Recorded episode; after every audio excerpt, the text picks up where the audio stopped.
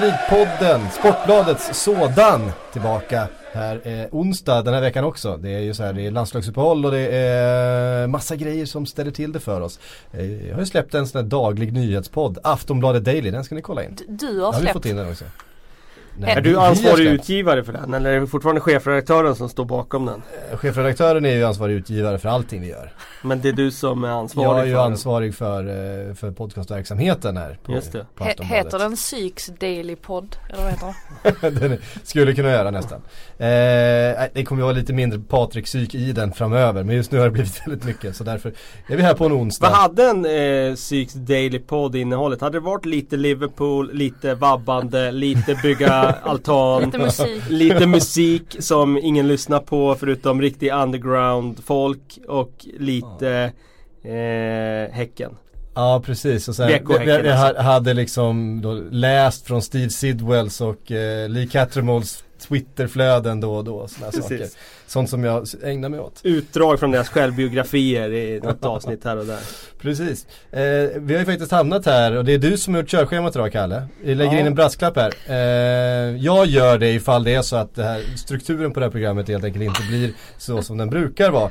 Eh, mina farhågor är dock att det kommer bli mer strukturerat och kanske ett, ett bredare och djupare innehåll än normalt.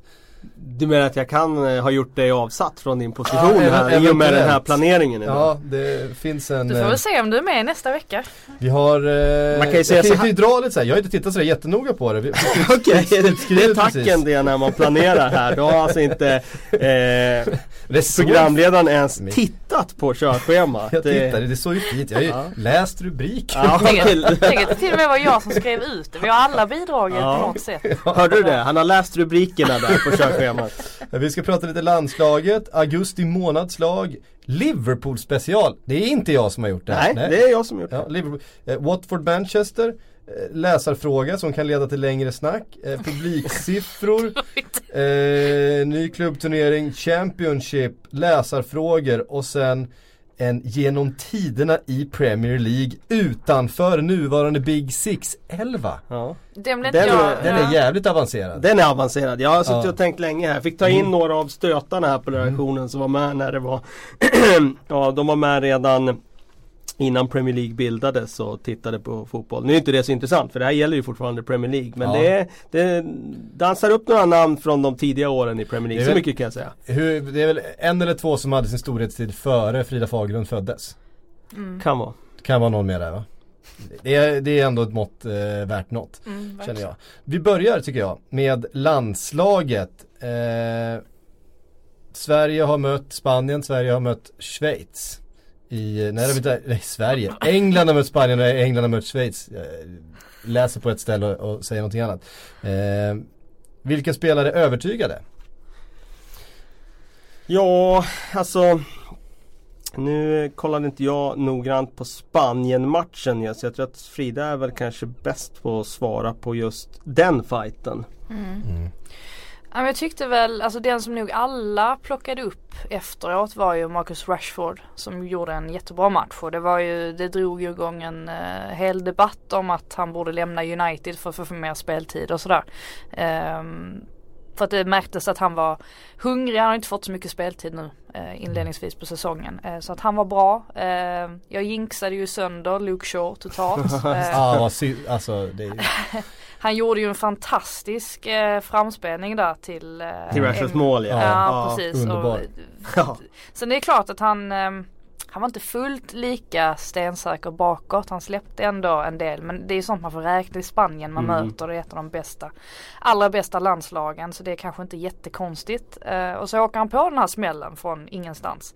mm. Eh, värt att notera var ju att Mourinho zoomades in så fort den här smällen hände. Precis som att han hade någonting med det att göra liksom. Nej men däremot så verkade han inte alls särskilt eh, bekymrad. Eh, för att det var ju ett långt uppehåll. Det blev en Mm. nio tilläggsminuter eller någonting sånt där till slut. Ehm, så, att, så att det märktes ju snabbt att det var ganska allvarligt men han såg inte. Han bara fortsatte scrolla på, jag vet inte, han, han höll på att mejla där eller någonting. Det, Mässade med Woodward. Ja Ja men precis. precis. Han såg, Kan jag få däremot, sälja honom nu eller? ja, han såg däremot oerhört nöjd ut när eh, Shaw spelade fram till eh, Ja. Rashford. Ja. Där måste han ha suttit och myst lite. Shaw har ju visat vid, liksom fin form den senaste tiden så att, eh, att han får slå den här passningen också och visa att han har poäng i sig. Ja precis, är det, har varit hans problem tidigare tycker jag. Att han har varit väldigt bra spelmässigt under åren sedan 15. Det var inte så mycket poäng som kom ut på andra sidan. Men eh, när ska turen vända för honom? Nu har han liksom hittat storformen här. Spelats in i laget i Manchester United. Får göra comeback i landslaget. Spela bra. Och så kommer den här skadan. Eh, jag hoppas och alla hoppas väl nu att, eh, att han ska vara tillbaka eh, så Mm. fort som möjligt här nu. Att det inte blir några komplikationer. Men det var ju en ganska rejäl smäll. Där när han sprang ihop med Carvajal där. Och, eh, Hjärnskakning är tacksamt på det sättet- ändå att det, det går ganska snabbt och Absolut, det enda som är faran det är ju det där om man får en ny smäll i huvudet. Mm. Jag tror att han kommer tillbaka ganska fort. Den stora risken det är om man får en ny smäll inom kort. Det är då det blir riktigt farligt. Så man får ny hjärnskakning. Ehm, men eh, första beskeden och indikationen var väl ändå att det var positivt. Så. Han var uppe och stod på benen rätt snabbt. Det var, det var inte mer än Jag tror den första bilden kom väl typ 20 minuter efter. Det, det indikerar ju ändå att han eh, återhämtade sig. Eller han var i alla fall vid medvetandet. Ja, jo, och det, det gör man ju även om man har fått en eh, Det är sällan man ligger avsvimmad i 20 minuter eh, För någonting, då ligger man ju mer eller mindre Nej men han kunde röra sig i alla fall Ja, på eh, men eh, eh, så ser ju alltid så jävla obehagligt ut när När någon tuppar av på planen sådär och man ser hur kroppen inte liksom är med längre och, och Mm. eh, sjukt obehagligt. Men vi Men hoppas det- att det går bra. Eh, och hoppas framförallt att han slipper fler smällar mot huvudet ju. Eh, Verkligen. Men det är ju intressant det där tycker jag som du vidrörde där lite Frida med Rashford och som jag såg att Carragher hade varit ute och tyckt till om det med Rashford och hans framtid och så. Och jag håller ju med Carragher om att Rashfords nuläge är ju inte speciellt tacksamt. Alltså han är i en stor klubb. Det är jättesvårt att vara forward och slå sig fram i en stor klubb. De spelar ofta med en där bara. Och han är inte riktigt kanske redo för att vara den spelaren som får det ansvaret för att liksom bära en klubb som Manchester United. Eh, ensam anfallare. Och då hamnar han i den här situationen att han inte får spela matcher. Och det kanske är precis som Carragher säger att han måste lämna eh, på lån en säsong för att få de matcherna. Han slog, framförde ju Everton då som ett alternativ för honom. Ett, en klubb som ligger precis under Big Six. Men där han förmodligen skulle starta eh, kontinuerligt. Och ja, jag kan inte säga att han har fel för att det, det kommer att vara den här situationen eh, i alla fall inom överskådlig framtid så länge han är kvar i Manchester United. Och om han inte spelar matcher kommer han inte heller utvecklas. Ska han gå runt här och vänta på en skada på Lukaku eh, säsong efter säsong. Det känns inte som att det är den bästa tillvaron för honom. Men tänkte Carragher främst att det skulle vara ett lån då? Jag vet inte eh, om det var lån eller om det var permanent. Nej för det finns nog en risk ändå med att lämna permanent. Alltså en klubb som United som hela tiden är strålkastarljuset på ett helt annat Mm. sätt. Och du får ju ändå chansen eh, ett par gånger då och då. Du får spela liga, cup och andra kupper och sådär. Ja. Ehm, för just Everton om man tänker, de är också ganska tjockt med folk. Eh, man vet ju aldrig, det kan ju gå helt snett också om man, om man lämnar sådär. Så. Ja. Nej då är väl utlåning det bästa. Han är ju en Manchester lad så jag antar att han ändå vill Mm. behålla banden till Manchester United. Eh, och jag antar att Manchester United också vill behålla banden till honom. Så att det är svårt att säga att de skulle släppa honom rakt av. Men hans tillvaro nu är inte klockren och han är ju inte heller han får inte ut sina eh, egenskaper riktigt som ytter. Eh, framförallt inte till höger. Där är kanske den enklaste vägen in i startelvan i Manchester United. Den finns till höger. Där får han inte ut sina egenskaper. Till vänster är han lite bättre men han är fortfarande ingen ytter på det sättet. Utan han är ju egentligen en forward. Är han en ensam forward? Ja, det är klart att han kan vara det i ett lag som spelar efter hans styrkor. Men Manchester United får inte göra det alla gånger utan de möter lag som parkerar bussen. Så jag skulle säga kanske att hans bästa, absolut bästa skulle vara i tvåmannaanfall. Eh, men kommer Manchester United någon gång att spela ett tvåmannaanfall Mourinho har väl aldrig gjort det i något lag han har varit i. Eh, så Nej. Nej, jag kommer ihåg när Zlatan gick till United och petade ut Rashford på en kant Mm. och då då tyckte ju Rashford själv, eller han sa det i intervjuer att nej men det har varit jättenyttigt att få spela, tvinga spela där och på något sätt lära sig den positionen. Eh, men ja, summan av det hela kanske ändå har blivit att han trots allt är bättre eh, i positionen. Mm. Eh, någonting som man kanske kan jag tycka eh, ändå han har utvecklat genom att spela mer på kanterna är ju att han faktiskt har lärt sig eh, använda sin snabbhet på ett annat sätt mot I början var han väldigt mycket han kunde alltså han läste situationer och tog sig in och länkade upp en hel del och sådär. Men just det här djupledsspelet känns det som att han, eh, i alla fall har jag noterat det att han, han är ju fruktansvärt snabb. Han är ju, han är ju vansinnigt snabb. Tycker ibland man pratar lite för lite om hans snabbhet. Pratar mycket om andra spelares snabbhet. Eh, Rashford är ju lika snabb som någon annan i den här ligan. Eh, det känns kanske li, det lite berodde på att han i början mer såg som en poängspelare liksom och, och var inne och, och, och länkade upp mycket i straffområdet och gjorde en hel del mål. Men, men som djupledsspelare är han ju faktiskt eh, fantastiskt bra också. Mm. England mötte som sagt Spanien och Schweiz. Eh, Spanien blev Alltså de rullar ju rätt bra boll Spanien stundtals. Man tyckte, eller jag tyckte framförallt att mittfältet där med eh, Jordan Henderson hängde ju inte riktigt med alla gånger när, när eh, spanjorerna satte igång. Och det är ju inte första gången vi ser Spanien rulla ut en motståndare. de gjorde, hade väl ett ganska bra resultat i sin andra match under det här uppehållet så att det underströk väl att de, de har en viss nivå. Tyckte Ja. faktiskt att det blev bättre när Dyer kom in. För då slog man lite mer bollar bakom den spanska backlinjen. Mm. Jag tyckte inte, alltså, är det någonting han är bra på så är det ju just det. Jag tyckte inte man fick eh, till det riktigt när, med Henderson på, på planen. Ehm, så att däremot slutet så får man ändå säga, jag tror ändå att England någonstans är Även om de inte är nöjda med resultatet tror jag ändå att man är nöjd med att man kommer tillbaks in i, i matchen och att man faktiskt är så pass nära att kvittera som de ändå var. För de, de Mm. forcerar ju allt vad de kan där ja. slutet. Sen är ju Spanien, det är lite speciellt ändå att de verkar nöjda med 2-1. Att det nästan känns som att de stannar av men det är ju också en eh, det är ju lätt, jag tycker man ofta ser det i italienska lag och sådär att de, eh, de är ganska nöjda så länge de, de eh, håller ledningen kan man backa hem eh, istället. Så att ehm, Nej, jag, jag, jag tror väl att de är ganska nöjda ändå, eh, trots allt. Det, det var inte som att de blev utspelade i alla fall. Och det är som Southgate säger också ju att England är ju långt ifrån klart. Eh, den här framgången i, i VM var ju jättefantastisk på alla sätt och vis. Men de vill ju ett ytterligare steg och jag tycker ändå att man är på väg dit. Det är inte som att man går i motsatt riktning. Par kontroversiella domslut i den här matchen också. Skulle det varit eh, avblåst på slutet där eller eh, eller inte? Borde målet ha godkänts? Englands mål på slutet. Det rör ju upp lite känslor. För jag, jag kan förstå båda sidorna. Alltså min första tanke var att det är så tramsigt att blåsa. Eh, Det var min första tanke. Å andra sidan kan jag köpa det här med att, eh, vem är Welbeck va? Det, är- det är Welbeck som... Att, att han, han står ju inte helt still.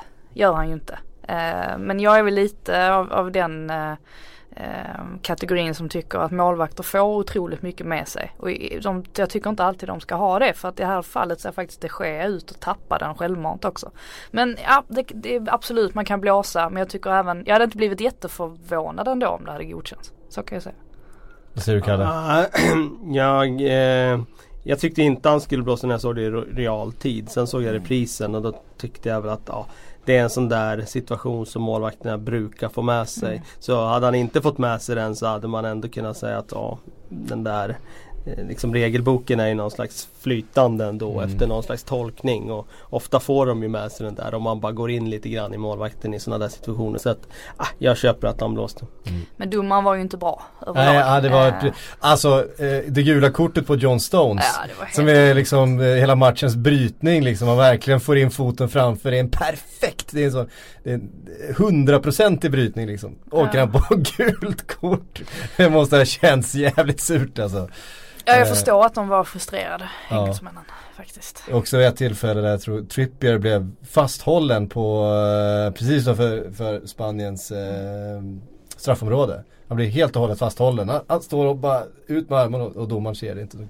Han tappar nästan, Trippier tappar nästan lite koncentrationen. Han var så fullt upptagen med att fokusera på domarna vansinnig och gestikulera åt domarna att han nästan försvann lite ur matchen på, på det sättet. Harry Kane eh, hade en del chanser. Ser lite trubbig ut fortfarande även att han nu famöst har gjort mål i augusti så eh, ja, man undrar, alltså jag får känslan i alla fall att han fortfarande är faktiskt lite sliten efter allt spelande de senaste åren. Och det vore väl ganska naturligt med tanke på hur mycket matcher han spelar och att det blev en väldigt lång säsong för honom. Eh, och han ska ju bära sitt lag oavsett om det är Tottenham eller England eh, i match efter match. Och han blir ju inte utbytt så tidigt heller så ofta utan han är ju på plan oavsett hur matcherna ser ut. Alltså ska de försvara honom det, eller försvara, försvara en ledning, ja du tar inte ut honom då. Ska du göra mål, du tar ju definitivt inte ut honom då. Alltså han är ju alltid på plan. Och det är väl eh, naturligt om han börjar visa lite trötthetstecken nu. Det var ju synd för Tottenhams del att England gick långt i, i VM. När det gäller Kane hade ju verkligen behövt en vila. Så det blir intressant att se hur Pochettino hanterar det nu. Om man ska ställa över honom någon match. Och då hitta vilken är den matchen. Det är ju för, givetvis inte Liverpool på lördag. Utan eh, det gäller ju att hitta den matchen då när, när det är läge att vila honom. För han pikade ju inte formmässigt heller under VM. Visst han gjorde många mål, många från straffpunkter Mm. och sådär men jag tycker inte att det speglade hans insats under turneringen eh, totalt sett. Så att det, var, det var ganska bra tag sedan nu man verkligen såg en formtoppad Harry Kane ändå. Eh, vi lämnar landslaget där eh, och nästa punkt på listan som jag har framför mig då det är augusti månads lag. Eh, Spännande. Säsongens lag hittills är lite tidigt men vi kan ta ut augusti månads lag vilket ju, ja eh, Vi begränsar det bara till det liksom helt enkelt. Vi konstaterar vilka som varit bäst den första mån- månaden. Eh, det står här, jag sätter ihop en 11 och ni får kommentera den. Ja, Sen precis. finns det ingen 11 här. Nej jag har ju Du har den där, du skickat har- du har den mörk- separat Det till är er. på ditt andra papper som jag har skrivit Jaha, där. Hade du läst planeringen så hade du sett att du har fått det i din mail Sick. Men eh, här har vi alltså en programledare då. som har fått ett körschema men inte läst det och det är klart då, då är det inte lätt att ha koll. Men där har du elvan. Yes, jag- här har vi den. Eh, vi går väl igenom den eh, från, eh, börjar med målvakt, Neil Etheridge, Cardiff. Ja. Det är lite överrak- överraskande. Ja men jag ville ha en riktig outsider där mellan stolparna. Jag tycker han har imponerat. Jag vet Han att har haft att Frida göra i alla fall. Ja, Frida har ju varit väldigt imponerad av honom och lyft honom tidigare veckor här och han har ändå hållit två nollor. Jag skulle säga att Cardiff hade ju legat mer skrynkligt till utan honom mellan stolparna. Eh, och jag tycker väl inte heller det är någon annan målvakt som har imponerat sådär vansinnigt mycket så att det eh, hindrar mig att gå lite utanför ramarna. Bra motivering. Ja, en backlinje då, fyrbackslinje med eh, högerback Trent Alexander-Arnold. Ja, vi, ja, ska vi diskutera honom? eller ska vi dra vi, vi, vi, kan, vi kan dra igenom den. Eh, mittbackar van Dijk och Alder Feireld och en vänsterback i Benjamin Mendy. Ja, vi kan ju ta backlinjen Ja. då och diskutera den då. Det är inte så mycket att snacka om egentligen. Det är klart att det finns några andra som skulle kunna Absolut. Eh, Om man tar mittbackarna så Fertongen, han har också varit bra. Ja. Eh, men jag tyckte Alde Firell med den insatsen han gjorde på Old Trafford. Det var ju den Mm. största matchen Tottenham spelat hittills. Eh, eh, claimade platsen för min del.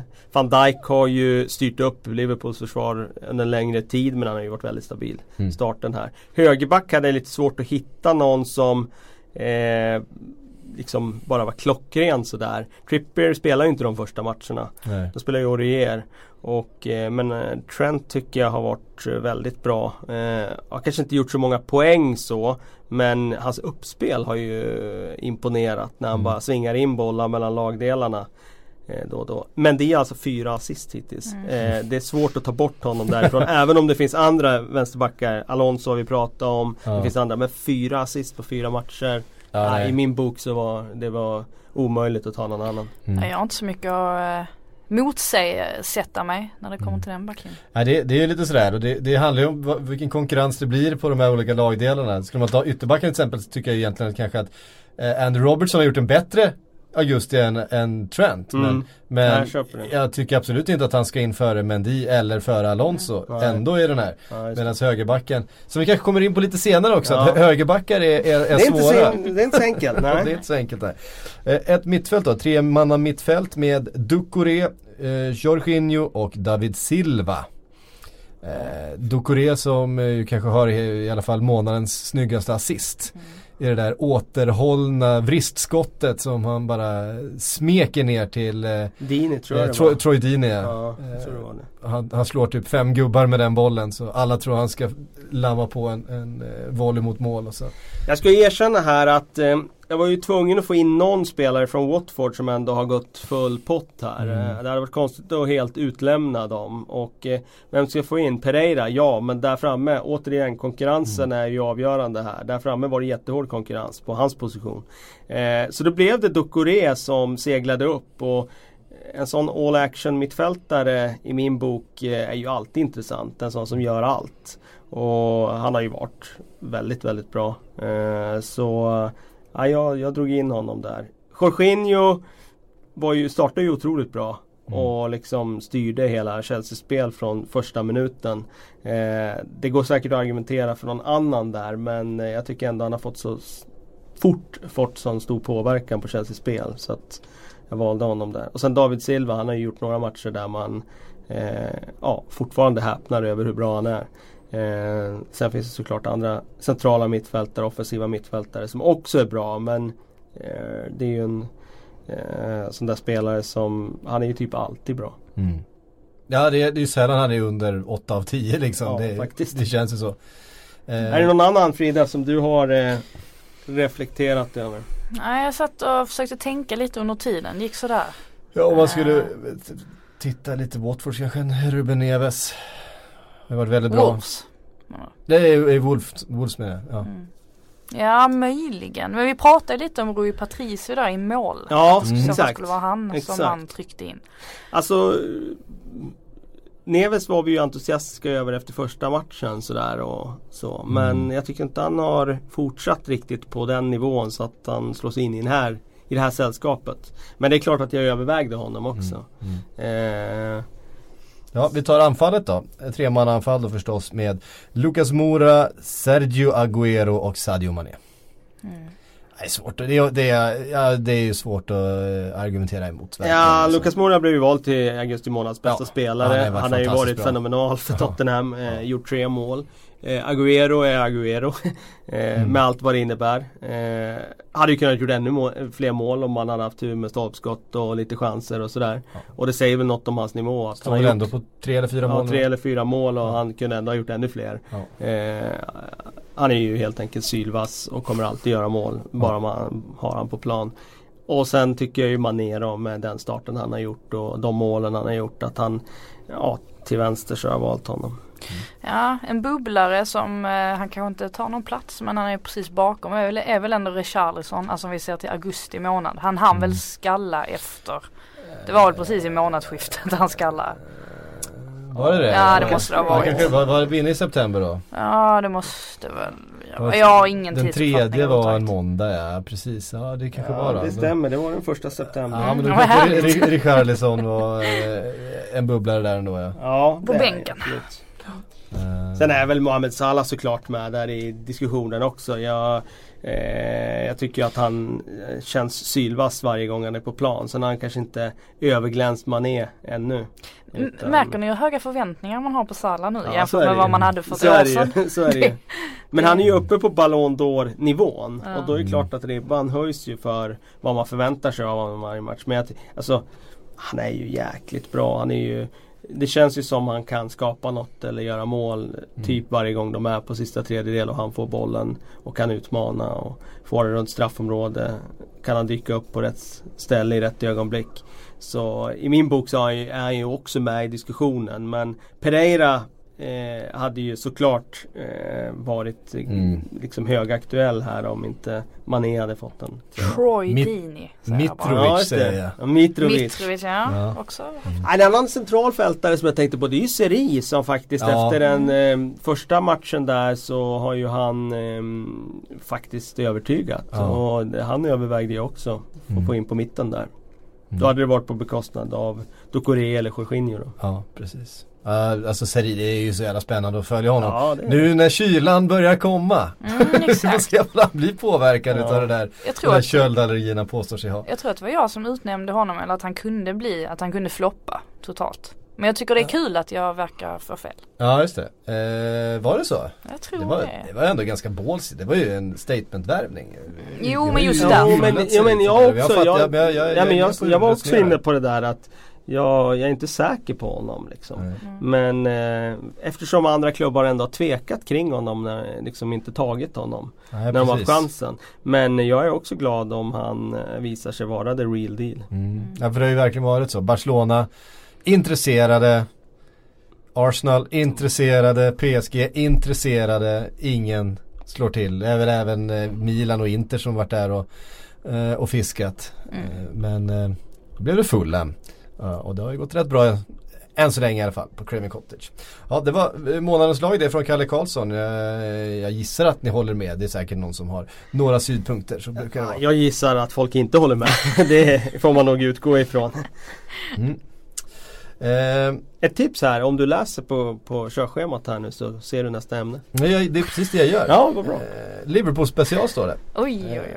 Eh, jag läser till här. Första testet för säsongen på lördag. Vad är Syks känsla inför mötet med Spurs? Du pratar om sig själv i Ja. person. Ja. Det är så bra att du läser innantill Ja, men jag också. sa att Det här ska vara en hjälp det. till dig. Det här ska vara en guidning till Nej, dig. men jag tycker det är roligare att göra det så här. Ja, okej. Eh, jag vill att det ska vara tydligt. Ja, det är tydligt är ju sannerligen. Men då ställer jag frågan till dig Ja. då. Vad är känslan nu då när ni går in i det första testet den här säsongen? För det är det ju ändå. Ja det är det verkligen. Eh, ja, det är väldigt oklart alltså. Jag har ingen jättebra känsla. Jag har inte haft någon jättebra känsla överhuvudtaget. Eh, jag har haft det väldigt mycket inför de matcherna som har spelats. Men jag tycker att Liverpool nästan har blivit sämre för varje match som har gått Ja, här nu under, under eh, augusti. Började bra mot, mot West Ham. Eh, såg helt okej ut mot, mot Crystal Palace och sen så har jag haft rätt mycket tur. Mm. Eller tur och tur, de har ju släppt till väldigt få målchanser Mm. i alla de här matcherna. Men, men bollarna har också studsat in. Jag tänker på Manés mål till exempel nu senaste matchen mot Leicester. St- det är ett par liksom, väldigt lyckosamma studsar som gör att han ändå hinner först på den där bollen och kan stöta in den. Vi- men å andra sidan det enda målet som, som Liverpool har släppt in har ju varit Alissons eh, Jättegroda där ja. världens långsammaste Cruyff-fint. Eh, Så att det, bakåt har det sett väldigt, väldigt stabilt ut men, men eh, jag är inte, jag kliver inte in i- till den här matchen med, med jättemycket självförtroende. Eh, Samtidigt har ju Spurs imponerat till exempel mot Manchester United och ehm, kanske Mm. har Men hade tufft senast mot Mm. Watfords Den hade fysik. tufft mot Watfords fysik. Sen är inte Liverpool ett superfysiskt lag. Eh, det är ett par starka, starka mittbackar sådär i Joe Gomez och, och van Dijk. Men jag menar det är inte ett mittfält med, som skrämmer någon med, med fysiken och inte anfallarna heller även om eh, Firmino är, stark och duktig i, i duellspelet och, och kan vinna boll och sådär och både Mané och och Salah är, är liksom fysiskt med bra balans och starka så det är ju inga spelare som skrämmer eh, skrämmer någon fysiskt på det sättet. Inte som, som Watford kan göra. Så Nej. att, eh, jag menar, vi har ingen Troy Deeney direkt som bara flyttar på sina motståndare när, när han ska fram mot bollen liksom. Det, det finns ingen som spelar ju. Nej men jag tycker ju att Tottenham har sett ganska trötta ut hela laget inledningsvis på säsongen. Jag satt och, Utom Mora. ja, han har ju varit på gång liksom. Jag satt och tänkte också vilka har fått vila nu under landslagsuppehållet för att många av Tottenham-spelarna har ju inte fått det. Eh, inklusive Harry Kane. Eh, det måste ändå vara några fler i Liverpool som har fått lite vila nu. Det är väl ett par stycken som inte eh, Ja, jag vet inte. Jag tror de flesta har väl, eh, ja det är James Milner har fått vila och det har ju varit viktigt. Han har ju tackat nej till landslaget. Eh, James Milner som ju har varit, eh, ja, skulle, efter någon av backarna kanske Liverpools bästa spelare. Eh, tillsammans med Sadio Mané och sådär. Men, men Milner är ju oerhört viktig. Och den enda mittfältaren egentligen som har kommit upp på, på hög nivå. Eh, de här första matcherna. Eh, det är klart det finns en Naby Keita och så vidare som är, som är ny och blandat och gett lite grann och sett intressant ut. Och, eh, och så vidare men att Milner har fått vila lite grann och kommer kunna springa i, i, i 90 minuter plus eh, nonstop och antagligen kommer springa två kilometer längre än, än någon annan på planen sådär som man brukar göra när han är eh, i den formen. Det, det är ju oerhört viktigt. Ja, jag tror Men i alla fall tror jag alla att- varit iväg. Jag tror alltså eh, Keita och Mané och Salah och Firmino eh, och alla de har ju varit iväg och spelat landslagsfotboll. Det resor hem och så vidare. Ja, både och Fabinho spelade ju för Brasilien här nu också. Var nere på och spelade högerback. Just det. Så att nu, nu är Lovren tillbaka också så nu har vi ju liksom Liverpool eh, Trent Alexander-Arnold, Joe Gomez, eh, Fabinho och eh, ehm, Klein då som allihop kan spela högerback. så, så gott om högerbackar i Det I- i som Liverpool. länge var en problemposition, alltså ytterbackar, nu har de plötsligt fyra stycken där. Det är helt otroligt. Ja, Fyra alternativ som är riktigt bra dessutom. även Ja, att är egentligen ju- bara två utav dem är tänkta att spela, spela det högerback den Men, det men, men eh, det finns i alla fall där bakom. Det ska bli intressant att se ifall Fabinho kanske kan få chansen som han har fått spela någonting nu än så länge. Klopp är väl eh, han gör väl sådär som han gjorde med Andy Robertson och, och eh, Oxlade Chamberlain förra säsongen. Han tycker att han har tillräcklig bredd då för att verkligen kunna jobba med positionsspelet och jobba med systemet eh, innan han slänger in honom. Mm. Att han ska vara riktigt Helt för, redo, he, liksom. helt, helt redo. Mm. Eh, Frågan är ifall han har fått ut så mycket av mittfältet hittills som han eh, hoppats, hade hoppats för att kunna ställa honom. Vad säger du om en sån där som Gino Wijnaldum då? Gino Wijnaldum är, är ju vad är det, så här, 6-7 av 10 spelare för det mesta. Springer mycket. Eh, kan göra väldigt bra grejer. Täcka boll och, och spela fram och sådär. Men det blir lite för lite end product ändå. Han skulle behöva slå lite fler eh, bättre bollar i djupet. Han skulle behöva länka lite mer med, eh, med anfallstrion tycker jag. Eh, men, men absolut en bra komplementspelare men, men eh, på något sätt om ska man vara med och utmana om titeln då, ska det, inte- då, då är inte Wijnaldum en spelare som ska starta varenda helg. nej, eller var, var, varenda match liksom. Men, eh, men absolut han är ju han är nyttig och viktigt att han finns där nu när, inte minst när Oxlade Chamberlain är, är skadad hela säsongen. Ja, Anledningen till frågan är ju att, att hans framtid kändes ju väldigt osäker när de tog Mm. in Keita och eh, Fabinho. Absolut. Men nu är han ju ändå där och gör sina starter här och där.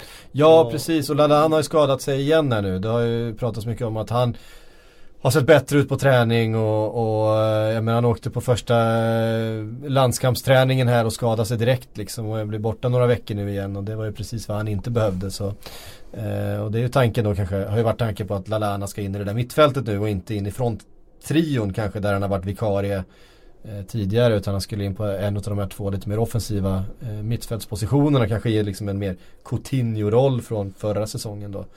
Men eh, det lär vi få vänta på frågan är hur lång tid det tar innan han är matchfit igen. Eh, inte säker på det. Jag tycker den här matchen känns så fruktansvärt öppen. Jag har Ja, ingen väldigt- aning om hur den kommer oviss. sluta. Det kan gå precis hur som helst. Mm. Ja, Men vad är din känsla då kring för Förra året så var de ju väldigt bra i toppmatcherna. Mm. Och sen slarvar de bort poäng i Finns det någonting som du ser som talar för liksom att de Att det blir tvärtom i år? Och finns det tvärtom någonting som talar för att det inte blir? Är det någonting som de har lagt till som gör att de kan hantera både de låga försvaren och toppmatcherna i år? Jag tycker, vi, jag, tycker de har, jag tycker vi har sett i de matcherna inledningsvis är att de kan hantera eh, lägre försvar på ett bättre sätt. Eh, framförallt det som har nästan varit problemet mot de, man ska säga, mindre klubbarna, sämre klubbarna. Det var ju att Liverpool faktiskt släppte in mål mot dem hela tiden i varenda match. Alltså det var ju inte det att de, att de hade helt omöjligt att göra mål på ett Burnley eller sådär. Men problem, problemet var att de släppte in två mål på dem. Mm, mm. Eh, och det gör man ju inte längre så att man har ju löst en stor del av det problemet. Sen eh, vet vi ju att eh, Mané och Salah och Firmino är som bäst när det blir ytor. Eh, och det har det ju egentligen bara varit i matchen mot West Ham som ju st- helt struntade i att spela mittfältspel. Eh, Ehm, långa stunder. Eh, stod och tittade på när, när Liverpool fick anfalla. Och det är klart att det, det kommer ju bli mer ytor i en match som, mot Tottenham så att eh, Ja det kanske skulle kunna passa dem mer då. Sen, ja, jag tycker det finns frågetecken kring mittfältet fortfarande. Eh, Jordan Henderson ser inte eh, helt fit ut heller. Han, han eh, är inte uppe på sin högsta nivå. Eh, Wijnaldum har vi pratat om. Naby Keita. Han är ny, han är inte riktigt inne i det än. Han, man märker också att när han kliver upp i press så lämnar han lite fel ytor bakom sig. eh, På ett sätt som de andra som är mer inne i det här systemet inte gör. Alltså de har liksom blivit invanda vid att pressa på ett sätt så att de fortfarande har lite koll på vad som händer bakom dem. Mm. Det är någonting som, som Klopp har pratat väldigt mycket om att ja, jo det är visst han springer mycket och han pressar bra. Men han lämnar ju fel ytor bakom sig när han gör det. Han gör det i liksom lite fel eh, lägen och det Han har dessutom slagit några riktiga indianare eh, som har blivit målchanser. Mm. Lite frågetecken kring mittfältet. Ska bli, bli intressant att se eh, den här matchen och Spurs, eh, vad Lukas Mora kan göra till exempel om han får lite ytor mot eh, Liverpools mittfält till exempel och kan komma med fart ner mot en Joe Gomez som ju är bra men fortfarande 21 år gammal och eh, har ju ett misstag i sig. Mm. Visst borde Son vara tillbaka nu också? Det ska han väl vara ja. Mm. Frågan hur sliten han är efter att ha spelat, spelat mycket fotboll senaste halvåret. Eh, det känns som att den där urladdningen i eh, asiatiska mästerskapen var, var ganska brutal också. Han, Mm. eh, reaktionerna efteråt, han kanske behöver vila lite grann. Men eh, han var ju väldigt bra i den turneringen. Och, Mm. eh, sen är ju Lukas Mora där och på den positionen så han, lär kanske inte behöver, eh, behöver stressas in. Nej. Det är vad jag tror.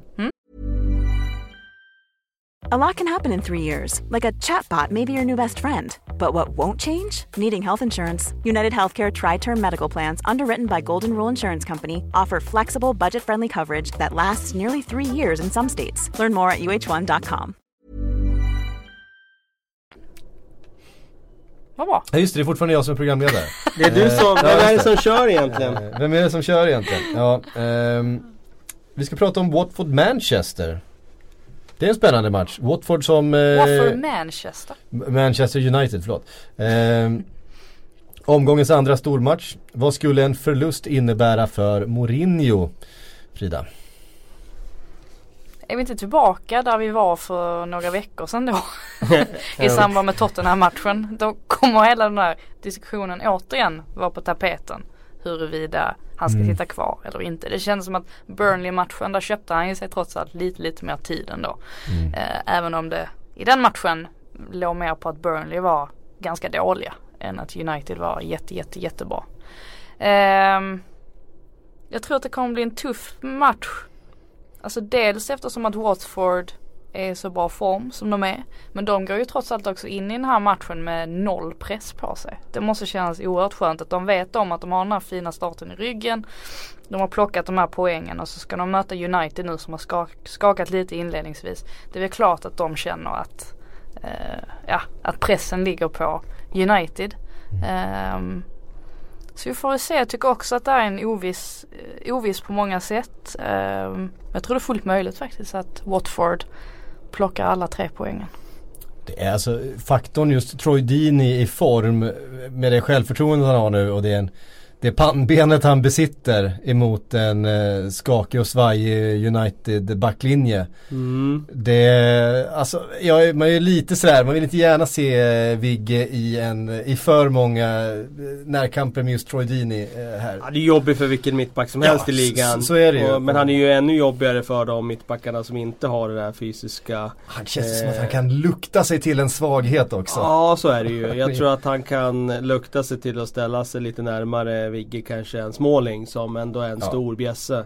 Och börjar de lyfta in bollar där då kommer Vigge få en svettig eh, eftermiddag. För att eh, då blir det ju den där typen av spel som, som passar Watford och som, som eh, gjorde att de vände matchen mot Tottenham. Och, eh, jag tror att som vi sa efter den här matchen, de kan skaka vilket lag som helst där hemma. Om de får spela det spelet. Mm. Så jag kommer ju ihåg den här matchen mot Arsenal när Han gick ju själv ut och sa det efteråt liksom att jag tittade på den där backlinjen så gick jag in och och så bara tryckte jag till dem och märkte hur uh, Geisten bara rann ur dem så det var bara att köra över dem resten utav matchen. Det var det han, eh, det var väl Tony Adams som blev, eh, nej Martin Keown var det som satt och skakade efter och han tyckte så där ska man inte få uttrycka som Arsenal-backar och framförallt ska inte en, en Arsenal-back få bli överkörd på det sättet. Han tyckte det var respektlöst och så, och så vidare men eh, han är ju skön på det sättet, eh, Trodini. Han, han har ju mycket självförtroende och gillar det där. Ja, men sen tror jag också att eh, det blev väl en, eh, rätt mycket uppståndelse ändå när Gracia själv eh, bekräftade att ja, vi, vi kan mycket väl vara det nya Leicester. Eh, och, och återupprepa det de gjorde. Eh, och så var det vissa som tyckte att det är ju inte kanske jättebra att en tränare går ut och lägger den pressen på sitt lag. Men å andra sidan Ska man inte passa på nu? Alltså jag kan ändå förstå hur han tänker någonstans att han måste implementera den här tanken i deras hjärnor. För att försöka få det att hända. Det är väl klart att det blir svårt och jobbigt och sådär men jag menar ta dem en match i taget här. Och bara Mm. fortsätter och fortsätter och fortsätter. Till slut kanske man står där i vår och så är man fortfarande med där i, i toppen. Och då är ju Mm. allting möjligt helt plötsligt. Så jag tror inte att det är helt fel ändå att han siktar så pass högt. Nej jag, tror, nej jag håller med dig och jag tror att det är bara den där rädslan för att den där orden ska slå tillbaka mot Mm. en om det inte blir så. Ja, gud ja. Och så funkar ju framförallt kanske media. alltså vi i media är ganska bra på att slänga upp citat som Vi har sagts glömmer förut. inte. Nej, vi, exakt. Om någon har sagt någonting om något någon gång så kommer det komma tillbaka. Inte minst i dessa internettider när Så- allting så- finns sparat i sociala medier och så vidare. Men är det inte lite så ändå? Jag menar eh, Dini, är inte han Jamie Vardy? Och är inte Foster Schmeichel? Är inte, Ducoré, han är ju Ja, är- Kanté. ja. precis. Och eh, Pereira, det är Mahrez, Mares. Ja. Ni ser ju. Ja, Allt. Det, ja, det Allt faller på plats. Ja. ja, det har ju slagit fast. Och plus den där statistiken som jag drog förra podden där med tabellraden. Ja, året, året innan. Exakt. 14 plats med exakt lika får antal vinster, oavgjort och förluster. Nej det är, det är såklart. Ja, det kommer ju bli så. Mm. Eh, alltså det Det var ju någon som var väldigt förbannad att vi hade jinxat förra veckan här men eh, de går ju som tåget ändå. Ja. Nu har det varit landslagsuppehåll i och för sig. Ja det man det, ju var. det. Det var just det, jag, jag tänkte att det var före Tottenham-matchen men det var det ju inte nu. Eh, då har vi, då har vi jinxat dem två gånger. Ja, Eh, det är en dubbeljinx då så att Ja. vi jinxar fast då, tillbaks. då precis, då blir det det. anti. Då Ja anti precis. Eh, Fagerlundsjinxen ska man ju annars akta sig för. Ja det, det ska man göra. Den är otroligt farlig. Ja. Den vill Eh, alla Det hålla är så, det är så vad som ifrån. hände med Shaw ju. Så att det, Exakt. Ja, Eh, och Everton och vi har många där alltså. Ja precis, Richarlison, det var bästa köpet. Ja. Smack sa det bara rött kort. ja. Rött kort direkt. det är Etheridge, ni vet alltså, han kommer dra Ja, det. Han kommer stå och tvåla in varenda inlägg i nästa match. Precis, han drar ett korsband på träningen imorgon. Liksom. Ja. precis. Eh, Manchester United då, vi har ju pratat så väldigt mycket om eh, José Mourinho inledning på den här säsongen, svagheterna i laget, eh, backlinjen inte minst. Eh, Vigge och all eh, skit som han har fått, eh, inte minst i, i engelsk media. Eh, har ändå fått förtroendet. Eh, han har ändå liksom ändå mindre förtroende för de andra än vad han har för Vigge. Ja jag tror det är så man ska se det egentligen. det. Att, att Smalling och Vigge spelar nu, det är mycket tillfälligheter och mycket liksom det där att ja men några måste ju vara på plan. Man kan inte lämna två luckor där på plan och Nej. bara spela utan Han mittbackar. hade nog velat det. och Ja, sig. det hade nog kunnat varit ett statement från Mourinho att bara lämna de två efter de första inledande matcherna där eller de två förlusterna i rad i alla fall. När inga backar levererade. Men nu gjorde de ju en bra match senast mot Burnley och jag tror att det räcker för att få förtroendet nu eh, här till nästa match. Så får de, de är liksom i en i en så osäker period att de får ta en eh, utvärdering vecka till vecka. Och nu är det Smalling och Lindelöf som spelar och ehm, vi får se hur de klarar det här nu. Eh, sen handlar mycket om tror jag att få igång de här offensiva spetsspelarna som trots allt har i truppen. En Sanchez, en... Eh, En Pogba som ju Pogba var, som- var, varit bra under landslagsuppehållet här och Ja, som har så mycket i sig och som behöver få ut det. Och jag tror inte att eh, medicinen är att liksom sätta lagkaptensbindeln på honom som vissa har antytt här. För jag tror att han överarbetar bara. Utan han ska bara ägna sig åt att spela fotboll. Och Mm. tänka så lite som möjligt på allt annat. Utan bara på det. Och då tror jag att Eh, det kommer komma eh, perioder i alla fall under den här säsongen där han hittar tillbaka i formen. Men hans problem är fortfarande att han inte har presterat över tid. Mm. Eh, Watford borta, hur tror ni Mourinho tänker taktiskt? Det gäller ju här att inte eh, exponera sig för mycket för eh, Watford och för Troy Deeney och så vidare. Eh, så att de måste ju liksom hindra Watford att spela sitt spel. För det är klart att Manchester United är bättre på alla positioner i stort sett. Eh, Jag skulle kunna tänka mig att han eh, vill ha Matic som block framför sina mittbackar. Mm. Eh, kanske lite tydligare än annars. Just för att de gärna vill droppa ner den där bollen där och sen försöka vinna andra bollar framför backlinjen. Så Matic kommer säkert få en nyckelroll. Och sen eh, tror jag att det blir oundvikligen så att det är United som får, får uppdrag att driva matchen. Alltså försöka vara konstruktiva och Watford som kommer att försöka få det till den här frenetiska liksom tempo, utbyta liksom slagdueller och eh, liksom bara kampa. Och får de matchen dit de vill då som sagt då, då kommer alla ha problem med dem där. Mm. Ja, eh, också en oerhört spännande match eh, förstås. Ehm, En läsarfråga tar vi. Vi har inte fått med något eh, namn här men vi läser i alla fall. Av de lagen som ni tror åker ur, vilka Shakiri slash Evans-fynd finns att göra från de klubbarna? Eh, vilka tror vi åker ur då? Vi har ju sagt Cardiff. Ja, då har vi Vi varit inne på. Etheridge. Etheridge till exempel. Det Huddersfield finns har väl vi sagt. inga fler i Cardiff väl? Alltså, Ja, jag, jag jag, kan knappt nämna fler spelare i Cardiff på rak arm. Utan att ha det framför sig. man. Eh, Arthur kanske någon Ja, här- Tillbaka Harry till Arthur. Bournemouth. Mm. Nej jag, jag vet inte fan om det finns några riktiga fynd där kanske. Sanka Ja, kanske kanske. tryckts in i något lag. Ja. Ändå är det är ju inte, en, det är inte ett fynd likt eh, Evans eller Shakiri. Det Aaron Moy är ju Ja, Aaron tillräckligt bra. Munier är ju Ja det är han okej. också faktiskt. de två. eh, De tre blir det då. Ja de tre. De, Schindler skulle väl kanske kunna ja. mm. Har inte varit lika bra nu som han var förra säsongen men eh, Ja men säg att det finns 3-4 i Huddersfield. Wagner. Nej, det vet inte tusan. Han är ju Huddersfield through and through. Alltså, jag tror att det... Ja men det är klart att han skulle kunna få något jobb, absolut. Men inte givet. Inte givet. Han har ju gått ifrån det som var hans, det, liksom deras filosofi och deras varumärke tidigare. Så att jag tycker han är lite odefinierbar just nu. Mm, Svår att faktiskt. få grepp om. Det är också sådär att han har ju liksom skilt sig så mycket från det man trodde att man Ja, skulle få. det menar. alltså det är liksom så här, han fortsätter ju spela ultradefensiv liksom. Eh, trots att det aldrig har varit hans filosofi tidigare. Mm. Eh, vidare till nästa punkt som handlar om publiksiffror. Eh, för en studie visar att publiksiffrorna för West Ham var 12 000 lägre än annonserat. Eh, vad säger vi om att klubbar fuskar med siffrorna? Det har vi känt på oss tidigare om vi säger så här. Du har ju snackat mycket om det där Eh, med ja, em- friserade siffror. eh, Emirates, alltid Aha. fullsatt. Så tittar man på tv-bilderna så är det halvfullt. Jag var, där i, jag var där i våras, det var långt ifrån, det var, det var inte ens halvsatt alltså. Eh, I den matchen. Alltså det är väl egentligen mest att det blir lite töntigt för när man väl får se, alltså det är inte som att polisen, för de spelar ju inte någon roll för de räknar ju själva på egen hand. Men det är väl det som blir lite pinsamt när det väl kommer fram att det skiljer sig så pass mycket. Det var väl Manchester United var väl undantaget.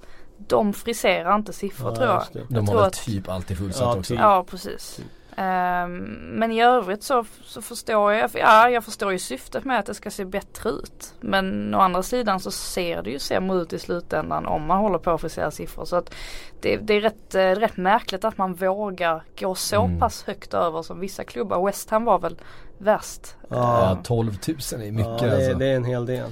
Men fråga, Eh, de räknar alltså sålda biljetter. Ja, men de räknar inte hur många som går in i vändkorsen då. Nej och då räknar du med alla säsongsbiljetter och då är det ju massa säsongsbiljetter. Ja, men Som för Arsenals del eh, till exempel i våras när de hade väldigt lite att spela för. Wenger var, var redan därifrån och det var, det var bara ångest liksom, liksom i mars. Um, och det var väldigt mycket säsongskortsinnehavare som helt enkelt bara sket i att gå dit. Uh, det var väl anledningen just då men för West Hams del handlar det ju rätt mycket om att man har en väldigt stor arena att fylla också. Det skulle kännas bra på något sätt för självbilden om man gjorde det. Exakt, jag tror det är Eh, mycket det. och eh, det gör man ju inte riktigt. För det, jag menar, eh, den, London Stadium är stor alltså. Det, det är många platser att sälja. Och de har ändå sänkt biljettpriserna och de har, de har skänkt bort rätt mycket biljetter och sådär för- till barn och så vidare. Och eh, Eh, haft ganska generösa sådana program och, och ändå så har de inte eh, lyckats fylla den där arenan. Sen är det, jag har faktiskt ett exempel från verkligheten. Eh, när jag var Oj. på en allsvensk match nu i år. Jag behöver inte säga klubben kanske är synd om, synd om de människorna. Men eh, det var ett icke publikstarkt lag då. Trelleborg? Eh, nej, gud nej jag skulle aldrig hänga ut Trelleborg. eh, nej men de hade inte så mycket, det, det, var, det var inte mycket publik på matchen. Och sen så berättade en som, som jobbar där då, för jag frågade hur, hur mycket publik är här. Han bara, vet du de eh, de, de här eh, alltså skannarna har gått sönder. Så, så att eh, jag vet, vad tycker du här är? Jag bara tittar runt, ja men här är väl någon en tusen kanske. Han, kan man skriva det då? Ja men skriv tusen då. Alltså ni hör ju själva okej. liksom. Det, det här Okej, och det här var i Allsvenskan Ja, och liksom. då förlitar han sig på eh, Frida Fagerlunds syn liksom. Ja, alltså ja. det är så här, det, det Visst. Det var inte Bravida va? Inga kommentarer. nej men så jag, jag bara menar att det är väldigt enkelt för någon att bara sitta där och nej vi, vi, eh, vi slänger på några hundra Ja. eller några Ja, jo. Du har alltså påverkat Allsvenskans publiksnitt i år? Men jag trodde ju inte jag gjorde det fram tills jag fick se publiksiffran på, eh, så tänkte jag jäklar vad nära jag var. Eller var det jag som Var det du som... eh, det är bra ändå. Det Det, här är ju en... eh, Det här är ett scoop. Ja det här är ett scoop. Nej usch. så här det går till. Det är, vi lägger alldeles för stor vikt vid publiksiffror, det hör jag ju. Exakt. Det, det, det höftas fram utav reportrar på plats. Exakt. Ja. Eh, vi lämnar dem där då, men vi kan väl konstatera att det, det är väl inte så mycket annat än självbild det har med att göra. De tjänar ju inga pengar på att göra så här. Nej, i West Hams fall är det nog det i alla fall. Ja, Sen var det väl Tottenham och Manchester City också som hade ja, eh, lite. ja alltså Etihad är också sällan Ja, fullsatt. där, där är tror jag också det är självbild i Citys Ja. fall. De jobbar ju med det här som ett PR-projekt och då hade det ju nog känts bra. De brukar också kalla sig för, för Manchester, alltså folkets lag i Manchester, vilket ju inte riktigt stämmer. Eh, De är ju mest att det inte är det stora laget i Manchester. Ehm, för det är ju trots allt så att det är betydligt fler Manchester United-supportrar än Manchester City-supportrar i Manchester. Så är det ju faktiskt. Ha, ehm, ny klubbturnering hörni. Vad tror ni om det? Eh, en ny turnering från Uefa som skulle ligga under Europa League. Det här, här har vi varit tidigare. Inter Toto. Det var fina grejer. Ja det var fan fina grejer alltså.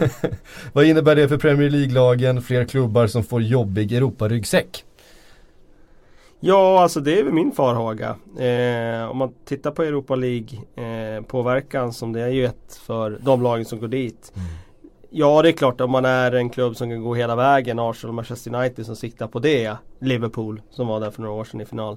Ja, då är det en sak. Men om man är Burnley, vad får man ut av Europa League? Alltså, du eh, fuckar ju upp din säsong. Det är ju faktiskt eh, kontentan av det hela. Vi har sett det så många gånger.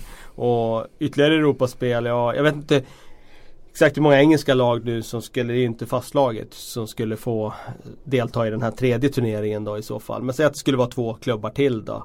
Plats 8 och 9 i tabellen. Vem vill sluta på plats 8 och plats 9 i tabellen då? Det är ju bättre att sluta 10 än att Mm. sluta 8-9 och få den där turneringen på sin hals till nästa säsong. Det ska säkert, om Europa League börjar kvala i början av juli, när ska de börja kvala till den här då? Är det i början av juni då? En vecka efter att ligan är slut året innan. Alltså det kommer ju vara eh, Det kommer vara en, en jobbig ryggsäck tror jag att ha och inte så mycket intäkter. Nej, alltså en grej jag har tänkt med, med Burnley det är ju att på deras Europa-äventyr nu så har de ju tvingats spela en helt annan slags fotboll. Har ni märkt hur det har påverkat dem hur de spelar? Alltså från att ha varit där superdefensiva, ramstarka, när de kommer ut i Europa så är de ju ändå Burnley liksom. Mm. Ändå, tjänar ändå liksom tio gånger så mycket som alla de möter i Europa League-kvalen och måste föra matcherna. Ja. Så att Sean Dyche har liksom fått ställa upp ett lag som ska liksom föra fotbollsmatcher. Och det är ju som att be liksom Kerry King spela nyckelharpa liksom. Det är ju inte det han kan. Det är liksom inte det han gör. Eh, det har ju liksom inte funkat så speciellt bra. Och sen så har jag det här spelat i- över i Premier League-matcherna. Så ska stå Burnley där och ha liksom tränat på att föra spelet och hålla i bollen och eh, sy ihop passningstrianglar på träningarna. Och sen så kan de inte försvara heller längre. Så det blir varken hackat eller malet. Jag är nog med, jag håller inte riktigt med i den här devisen heller som många säger att ju mer fotboll desto bättre. Eh, ju, ju, mer, ju fler matcher som betyder någonting desto bättre Mm. är det. Ja, jag, nej, jag håller faktiskt inte med alls. Jag tycker kvalitet för kvantitet. Sen spelas det rätt mycket fotbollsmatcher alltså. Det är inte Ja, så att det är en Och jättebrist. det, och det leder ju till att det blir någon sorts, ja men som ni säger, att det blir lite medelmåttligt i, överlag. Ja. Jag, jag ser hellre att liksom klubbarna, eller att lagen är utvilade och friska och hela och kan ge allt eh, hela tiden. eh, De gångerna jag ser dem. Ja. Ehm, Jag tycker inte alls att man ska ha någon. Däremot dammar man av Inter Toto så är jag för. Ja det är inte jag alltså. Det är så stoiskt nostalgisk är jag inte. Däremot så är jag väldigt positiv till Nations League. Jag tycker att eh, det Nej, jag, blir jag känner inte det än. Ja, jag, jag känner det. Det blir bättre fotbollsmatcher. De betyder någonting i alla fall. Och det är bra lag som möter bra lag. Halvbra la- lag som möter halvbra lag. Det blir jämna matcher. Det blir inte så mycket trams. Och ännu mer slitna spelare till klubbfotbollen. Ja, Så är det ju Det är visserligen. min farhåga. Så, så är det ju visserligen. Men jag känner det, det är lite våras lite för landslagsfotboll just nu. Jag tror, jag tror Nej, du, du får aldrig kommer- mig att, tycka att det är våras för landslagsfotboll när det inte är stora mästerskap. Nej, jag, jag, jag, jag, jag har den känslan alltså. Jag gillar inte landslagsuppehållen. Eh, eller jag gillar inte landslagsfotbollen idag på det sättet. Nej, Eh, jag jag, håller tycker klubb, klubbfotbollen är så mycket längre fram. Taktiskt och Mm. på alla sätt liksom är den mycket intressantare att titta på än landslagsfotbollen. Herregud vad jag håller med alltså. 100%. Jag, jag, jag, jag säger inte... Du gillar ju mest inte Toto så att, Inte Toto-fotbollen. av, damma av inte Toto så... Var så inte Trelleborg kommer- ute och lirade inte Toto något år? Det var de låter väl inte alls osannolikt. Vi har ju varit mycket ute och förlängt. Mötte Blackburn va? ja, och vunnit. Vunnit. Ja. Ja, det är, jag minns Höll det. på 3-0 att vinna 3-0 mot- va? Ja, Var det inte det? det lät Ja, väldigt 1-0. mycket. Ja, okej. Var det Halmstad som slog dem med 3-0? Ja, så det slog stämmer. Parma med 3-0. Ja, det Så, de. så var Så det. var det, ja. Men, eh, Vi höll på att slå ut Lazio också. Väldigt nära. Men det gick inte till slut. nej. Mm. Mm. Eh, Championship. Vi har en eh, nyhet där som vi nästan får liksom kommentera. En nyhet, det är inte helt nytt. Men Bolton. Klassiska Bolton. Eh, riskerar eh, poängavdrag på 12 poäng på grund av skulder. Det här är inte bra hörni. det är inte bra. Det det, det kan vi konstatera, det är inte bra. Fan. Ring Sam Allardyce. Ja det känns som det är bara han som kan lösa det här. Men Ja. det var länge sedan, jag reagerade när jag läste den här artikeln, att det var länge sedan man hörde det där eh, att klubben försätts i administration, administration. Det var ju var och varannan vecka var det ju en klubb som försattes i administration för ja men 8-9 år sedan. Före det trillade in så jävla mycket pengar i Extra- klubbarna så att de exakt. blev ekonomiskt oberoende allihop. Innan tv-avtalen bara Ja. drog upp i himlen Exakt. och då var det ju klubbar hela tiden. Då var det ju det, det var ju den insatsen man gjorde en satsning upp mot Premier League med. Det var ju antingen lyckas vi Eller så blir det med, administration. med vårt mål eller så hamnar vi i, i, i eh, konkurs. Alltså, Ja. så här, alltså Portsmouth och de här som gjorde jättesatsningar och sen så bara gick det åt skogen.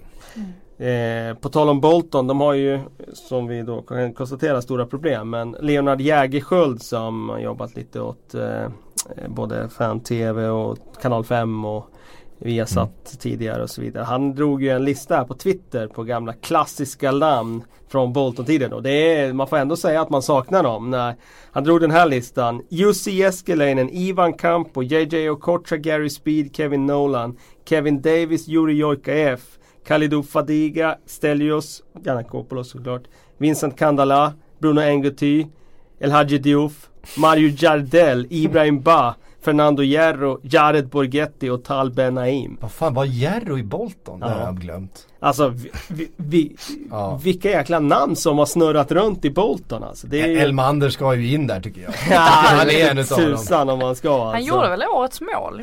Absolut, visst gjorde han det.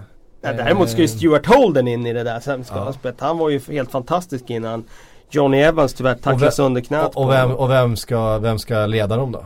Big Sam såklart. Ja, Eller absolut. Gary Megson. Nej Eh, jag skojar förstås. Det är ju Big Sam. Det är Big Sam, det är ju, det är ju hans Bolton. Ja så är det. Men Mm. eh, jag tyckte ändå, jag gillar ju nostalgi, det vet Ja. ni Det har jag sagt många gånger. Och bara läsa den där namn, listan på namn var ju eh, faktiskt glädje. Mm. På tal om, eh, ja men ni vet det här klassiska Leeds och Guldfisken som de hyrde. Mm. Det dykt upp en ny sån här som gäller Ja. Sun- Sunderland. Som alltså Okej. ska ha betalt eh, nu, nu säger jag säkert fel siffra för jag, jag har det här, jag tar det här ur bakhuvudet. Jag tror att de har betalt typ 10 000 pund om året. För att det ska komma någon och byta plats på blomkrukorna på kontoret. det var, Det låter väldigt mycket. Eh, 10 000 pund för det. det Ja men på, mycket. för ett år. Det är inte Ja. så, egentligen inte så svinmycket. Men, Men hur många det, gånger det kan ju vara så att det, är, att det är ett företag som har hand om alla blommor på kontoret. Det är ett stort företag och sådär. Det måste Det är ju vara. säkert tusentals blommor då. Ja. De, de Alltså, liksom. alltså ryktet sa då att det kommer en person, de har, att det ska by, vara ombyte, så de har olika typer av färger på blommor. Då ska de då byta rum och det ska vara ehm, Det är ju givetvis då inte riktiga blommor heller utan det här är ju då uppe i Sunderland där vi har plastblommor Nej, på kontoret. Och då ska de byta rum. Ja, det kan, ja, Det jag, kan inte jag, stämma. hör, jag hörde det här, jag hörde det här i en fotbollspodcast. Jag, Plastblommor. Siffrorna kan ju inte stämma i alla fall. Däremot vet vi ju att det stämde ju med guldfisken på Absolut. Leeds kontor där. Eh, det var ju när Leeds jag kan, ha fel, jag kan ha fel om siffran, det var en, väldigt, det var en hög siffra. Det var ju så, här så att man hajar till liksom. Det här är en, en Premier League-klubb som inte vet vad vä- värdet av en, eh, även pund är liksom. Men det måste ju eh, vara folk som gör annat också tänker man. Ja nej, men det här, var, det här var liksom ett företag som var anställt för att komma och, och rearrange the flowers. Eh, Ja, men Det låter kontoret. galet för att vara sant. Ja. Eh, det är Sunderland vi pratar om å andra sidan så Ja. att eh, varför inte? Allt kanske är möjligt i Det är säkert någon som har bättre koll på den här historien som lyssnar som kan eh, uppdatera oss. Sunderland vaskar ju pengar så att det Ja precis. Eh, nu har vi snart inte så mycket tid kvar av eh, Och då den har inte jag ens fått dragit liksom den stora eh, liksom, dragplåstret till det här eh, Exakt, avsnittet. det är, det, det är ju det vi avslutar med här. Ja. Ehm, På tal om nostalgi. På tal om nostalgi har Kalle alltså satt igenom, eller satt ihop eh, en elva av de bästa spelarna eh, under Premier League-eran som då inte representerar, eller i, i, i alla fall i majoriteten av sin eh, Karriär. karriär. har representerat någon av de nuvarande topp 6 eh, top 6-klubbarna. Ja, Fan exakt. vilken svår mening det där var få. Ja, det, men det fick ihop den till Ja, slut. på något Det sätt. ska ju sägas här då att det här var ju då en läsare som, eller lyssnare som eh, hade det här som förslag att vi skulle sätta ihop den här elvan. Just det. Eh, och då hugg jag tag i den. Jag ehm, eh, satt med det här ett litet tag men inte tillräckligt för jag har fortfarande inte fått fram eh, en elva som är komplett där jag är riktigt nöjd med valen då om jag säger så. Jag Nej. har eh, en elva i huvudet men eh, jag är inte nöjd riktigt med högerback och, hö- och yttermittfältare där. Men jag kan börja då med att dra, eller vill du dra? Ja, Jag kan, jag kan läsa upp de här i mål, Neville Southall, Everton. Ja för mig där är det ju inget snack utan han Nej. var ju en av världens bästa målvakter i mina ögon. Eh, och definitivt eh, en av de största målvakterna under hela Premier League-eran. Eh, Fantastisk karaktär också. Det var ju på Skön. den där tiden också när en målvakt behövde kanske inte vara superfit. Alltså kunde ju ha något extra kilo sådär. Eh, och, men han var ju eh, kapabel till att göra helt fenomenala räddningar. Och eh, på den här tiden behövde man ju inte ha några fötter heller utan det, det räckte med att rädda bollar och det gjorde han Mm. sannerligen. Eh, vi har en backlinje då. Ja det är en lucka där på Ja, högerback. precis. Vi, ska, vi, tar, vi tar ta- upp den för diskussion Vi får ta den från vänster då så säger vi vilka som är med. Då börjar vi då med, med Stuart Psycho Pierce, Nottingham. ehm, till vänster och sen mittbackspar med eh, Paul McGrath från eh, Aston Villa och eh, Colin Henry från Blackburn. Ja. Eh, har du stenkoll på de här Frida? Det här är, ju- det här är några år sedan. Eh, jag kan inte påstå att jag har sett dem live om man säger så. Eh, man kan ju säga så här, Stuart Pearce eh, hade ganska eh, stor konkurrens där. Det är klart, Mm. Leighton Baines, Mm. Graham Lasaw. Mm. Eh, det finns eh, ganska många alternativ på en vänsterback. Men Stuart Pearce med hans karaktär eh, och eh, hans nivå, hans vänsterfot. Det var Hans inställning. hans inställning. Det, den, den, det gör att han tar den där tröjan i min bok. Varför är det så mycket lättare med vänsterbackar än med Nej, jag vet högerbackar? inte, det har blivit så. Eh, Men är det inte för att det är lite mer specialistroll vänsterback då? Att det, Det är det en krävs vänsterfotade En liksom. vänsterfotad och Mm. bra fot och så vidare. Men Graham Potter? Ja, du vill ha in han på högerback här eller? Frida vill ha in Graham Potter i alla avsnitt Ja, så är oavsett det. vad. Så Ja, är men det. vadå han är ju högerback. Och, och Richarlison. ja, vad, vad, vad var det vi sa, åtta matcher? Eh, Ja, jag, minns inte exakt hur många han gjorde men det var inte så många. Men han var bättre än det har jag hört. Ja, han var bra. Kanske inte den bästa någonsin, eh, eller under Premier League-eran. Nej, den, den jag lanserade faktiskt när Graham Potter kom upp, det var ju faktiskt Roland Nilsson. Han var, han var ju faktiskt otroligt bra i Sheffield Wednesday. Mm. Och eh, det var synd att han vände hem till Allsvenskan där när han var i sin peak där. För annars tror jag han, han är ju fortfarande gud i, i Sheffield efter Mm. den, eh, liksom, de åren han gjorde där. Eh, men eh, han vände ju hem när han var som allra bäst och det var lite synd för att Han hade kunnat varit ännu större annars. Mm. Eh, nej, men så började jag tänka på Leeds och sådär när de var som bäst. De hade ju Kelly på högerbacken. Det, det, nej, det är inte rätt. Nej, och Du sa Seamus- Coleman på högerback. Ja, Seamus Coleman hade ett par säsonger då han faktiskt var Ja, med- ligans bästa. en av Ja. ligans absolut Ja. bästa eh, högerbackar. Ja. Och det är inte så många år sedan. det, Nej, pratar det var fyra, också fem, en fyra, tid fem år när. Premier League var väldigt bra och hade väldigt många internationella influenser och så vidare. Ja, och sen så är det klart att Leicester-laget, men det var Danny Simpson där. Jag, jag har aldrig gillat Danny Nej. Simpson. Jag tycker inte han kan någonting egentligen. Steven Carr var ju bra när han var i Newcastle där Mm. men det räcker ju i alla fall inte. det känns som att, det känns som, jag, jag satt förut, när du sa det, det känns som att vi glömmer någon i Newcastle. Det känns som att de har haft mycket bra ytterbackar, men jag kommer inte på någon. Nej, jag vet inte om, eh, om det räcker till på en högerback. Den Newcastle-försvararen som jag övervägde det var ju Philippe Albert som var eh, helt fan, fantastisk. Mm. Men eh, det, Paul McGrath är ju omöjlig att komma runt. Han var ju eh, en av världens absolut bästa försvarare under de här åren trots att han var eh, alkoholist dessutom under, Mm. ja, då när han stod på toppen av sin karriär. Och han eh, valdes ju ett år, fick han ju priset som ligans bästa spelare som försvarare vilket man sällan får som försvarare. Men han går inte att flytta på. Det, det, kommer, det blir över min döda kropp i så fall. eh, Colin Henry var ju en annan superfavorit. Eh, den, med den blonda kalufsen där i Blackburn. Eh, han vill jag inte heller flytta på. Men det är klart, det, ska någon flyttas på så är det han. Och Mm. En sån som Gareth Southgate tycker jag är ganska underskattad faktiskt. Eh, han var riktigt bra. Mm. Eh, när han var, inte minst i Middlesbrough. Eh, men högerback, jag hittar ingen riktig klockren där så jag vänder mig till lyssnarna och de får gärna komma med förslag där. Mm. Ja, högerbacken är svår. Jag, jag, alltså jag vill ändå säga Seamus Coleman bara för att jag tyckte han hade en väldigt hög nivå. Eh, han var lite häftig när han kom där också, väldigt okänd, kom för nästan inga pengar. Eh, från eh, den irländska ligan och, och eh, var Det är någon vi missar, så är det ju. Ja det, så är det alltid. Eh, vi går vidare på eh, mittfältet då, där det också fattas en. Men där ska vi fan kunna verka fram en ytter. Men Ja, vi tar de vi har då. Riyad Mahrez. Ja när det gäller Riyad Mahrez då ska jag förklara. Han Ja. spelar ju i Manchester City nu som är en Mm. del av Big Six så egentligen borde han inte vara med. Men han har ju inte gjort så många matcher i Manchester City och det är ju Leicester han har gjort de mest eh, enastående insatserna. Det är Mm. det som meriterar hans plats här. Samtidigt Och- ska vi säga att vi, vi har tagit bort Kanté från den här listan. För han har ju spelat mer i, i Chelsea än vad han har gjort i Leicester. exakt. Och då tycker jag att då är han ju en Big Six spelare. Eh, Riyad Mahrez valdes ändå till bästa spelaren i ligan när han Mm. var i Leicester och eh, det gör att jag väljer honom på en av ytterpositionerna. Mm. Eh, Matthew Letizier. Alltså det är klart han ska in där. Ja det, Kungen av drömmål. ja det får man säga. Eh, det, det tror jag inte någon kan argumentera med. Nej. JJ och Kocha Bolton. Det är ju, ja det är en fin kille. Han var otroligt bra under de åren och eh, det är väl en av de där eh, liksom, grejerna som man kan sakna. Att man har velat se han i ett av topplagen. Han var ju i Paris Saint-Germain innan han kom till, till Premier League.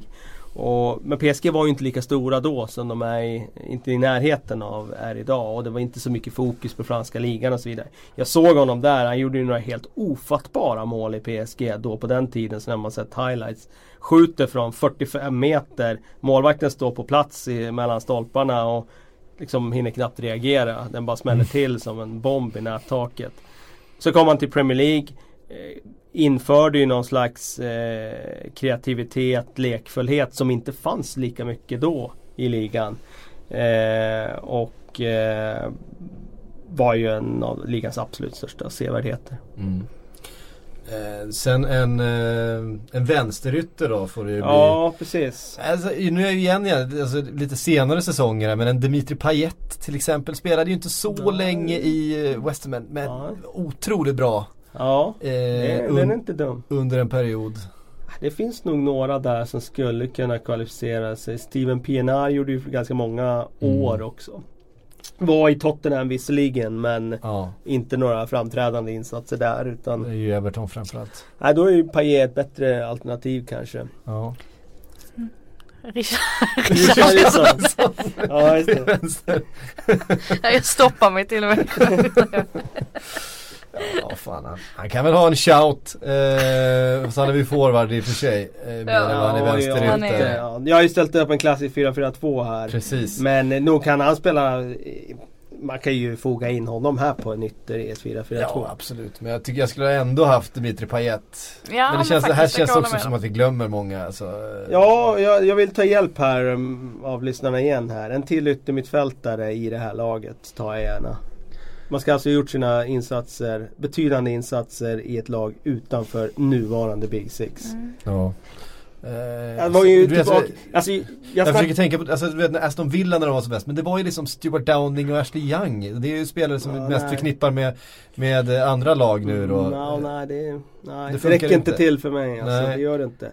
Jag är tillbaka i så fall på Norwich när de var topplag i Premier League de första åren där. När de hade. Rule Fox på ena kanten och Robert Fleck spelar väl på den andra. Jag vet inte om Robert Fleck räcker till riktigt men Rule Fox skulle väl kanske Jag vänder mig till nostalgikerna som är lite, några år äldre än mig här och undrar om inte han skulle kunna kanske, kanske in på en, på en Det är en spelare jag, jag bara kan namnet på men liksom aldrig har sett spela. Men Jag vad räknas sådana som eh, Zaha till exempel som har varit i en stor klubb Nej, men väldigt kort? Zaha skulle absolut kunna komma in i en sån här på, alltså han har bara en säsong i Manchester United men ändå i Crystal Palace som han har. Men, Men, men han är vi tillräckligt snackar bra. genom är tiderna i Nej, Premier alltså League. som- alltså. Alltså inte på Så kvaliteten kanske inte räcker till men, men alltså, som, rent teoretiskt skulle han, eh, så har han inte varit för länge i Manchester Det är i alla United. fall en spelare som bär ett lag Ja, så är det utanför Så topp är det ju. 6. Så När är inte det. han är med så förlorar de.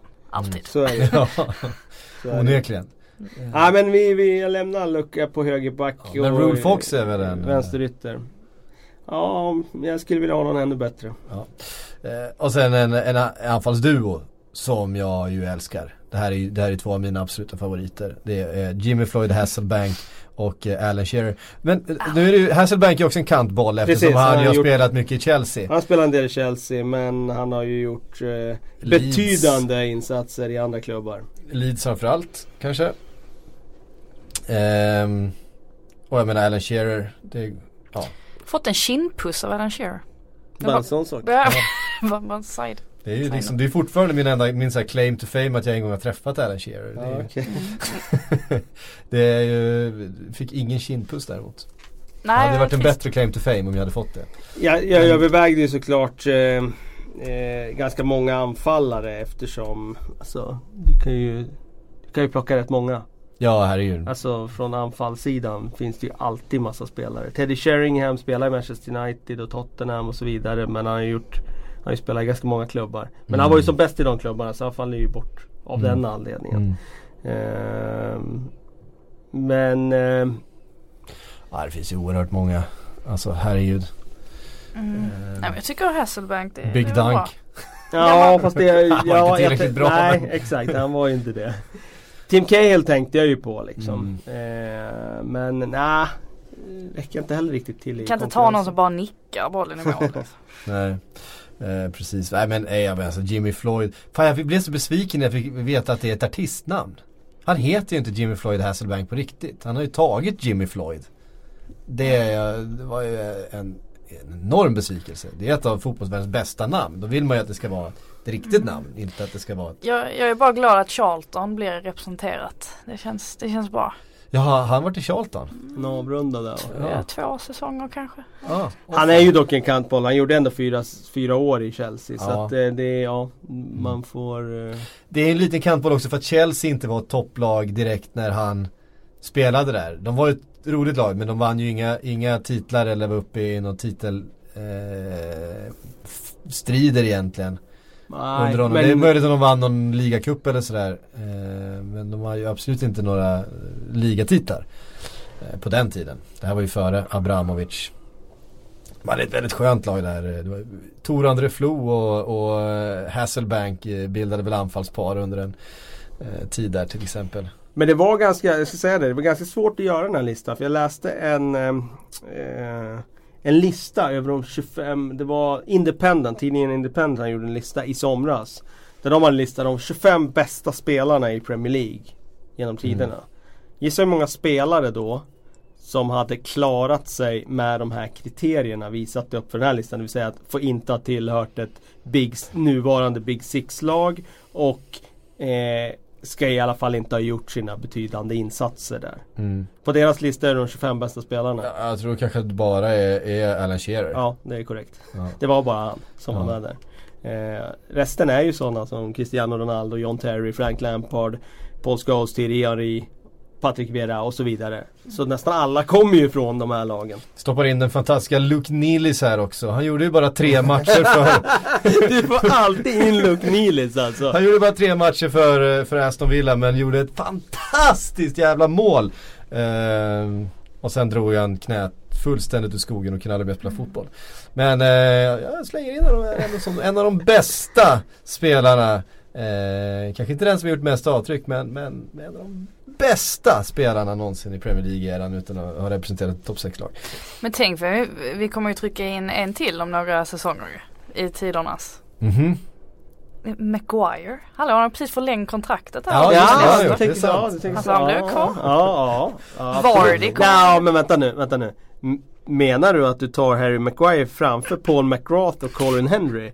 Det är ju bara ett tecken på att du är jag- för ung här. Nu pratar jag om 20 år framåt. Ja, jag tänk det när jag spelar sitter ingen roll här alltså. 45 år gammal och ni, åh herregud. Ja, Ni är ju pensionärer då ja. korrekt. Typ. Fan vad jobbigt. Ja. Ehm, pratar vi inte mer om det. Eh, herregud. Eh, nej. Eh, en sån som Olof Mellberg då? Eh, kan han sitta på bänken? Ba- bakom eh, mittbackarna där? Jag gillar ju Mellberg, inte minst hans skägg. Men han eh, är inte värd att nämna i samma andetag som Paul McGrath. Och det är inte många som är det ska sägas. Jag håller ju Paul McGrath som... Eh, Hur länge, ja men säg så här hur då. länge spelar han? Hur länge han spelade? Ja, när, när, när, när lämnade han Aston Villa? Det är Ja, inte det så att han, att han och Mellberg någonsin har spelat Nej nej nej nej nej nej. Han måste ha lagt av Nej, några år det innan. var ju där mitten av 90-talet där någonstans. ja, precis. jag ska gick kolla Mellberg dit? exakt. Typ 02 eller något? Jag ska 03. kolla ex exakt nu Aston Villa nu. Han lämnade 96, då gick han och Ja, spelade okej. en säsong i Derby. Sen var han på lån i Sheffield United och så avslutade han karriären i Sheffield United 1998. När gick Mellberg till Villa? Var det typ 02-03 någonting? Ja det kan det väl ha varit. Någonstans. Han var ju i, i Spanien i var inte i Racing Santander Mellberg? Eh, var det? Var det Zaragoza? Nej, Zaragoza det var Gary Sundgren. Ja, han just var i Han var i Racing Santander ja, 99 till 01 och så gick han till Villa 01. Mm. Så nej, han var inte i närheten av att eh, Nej. spela med Paul McGrath såklart. Eh, det ju sägas här för den som gillar läsning om fotboll att Paul McGrath har ju faktiskt skrivit en väldigt fin självbiografi. Han eh, är väldigt utlämnande självbiografi där han berättar om hur hans tuffa liv. Eh, han blev utslängd ur Manchester United av Sir Alex som inte gillade hans eh, oseriösa del med alkoholism Mm. eller liksom alkohol och så. Men det är allt ifrån självmordsförsök till allt möjligt. Och han spelade ju match i Premier League med sådana svettband på handlederna för att liksom dölja att han hade skurit sig i handlederna. Var bäst på plan såklart för det var han varje helg. Eh, så det var en otrolig story om en spelare som liksom var på den allra högsta nivån. Bra boktips. Faktiskt. Vilken Ja. tung stämning det blev han men det var ett fint boktips. Vi får runda av med det den här veckan. Eh, till helgen är det riktig fotboll igen. Mm, det är skönt. Det ska bli, bli ganska skönt faktiskt. Jag ser fram emot det här. Vi, eh, också. vi är tillbaks. Och inga fredagsmatcher, det är perfekt. Ja, underbart. Mm. Underbart. Eh, och vi är tillbaks nästa vecka igen, precis som vanligt. Hej på er.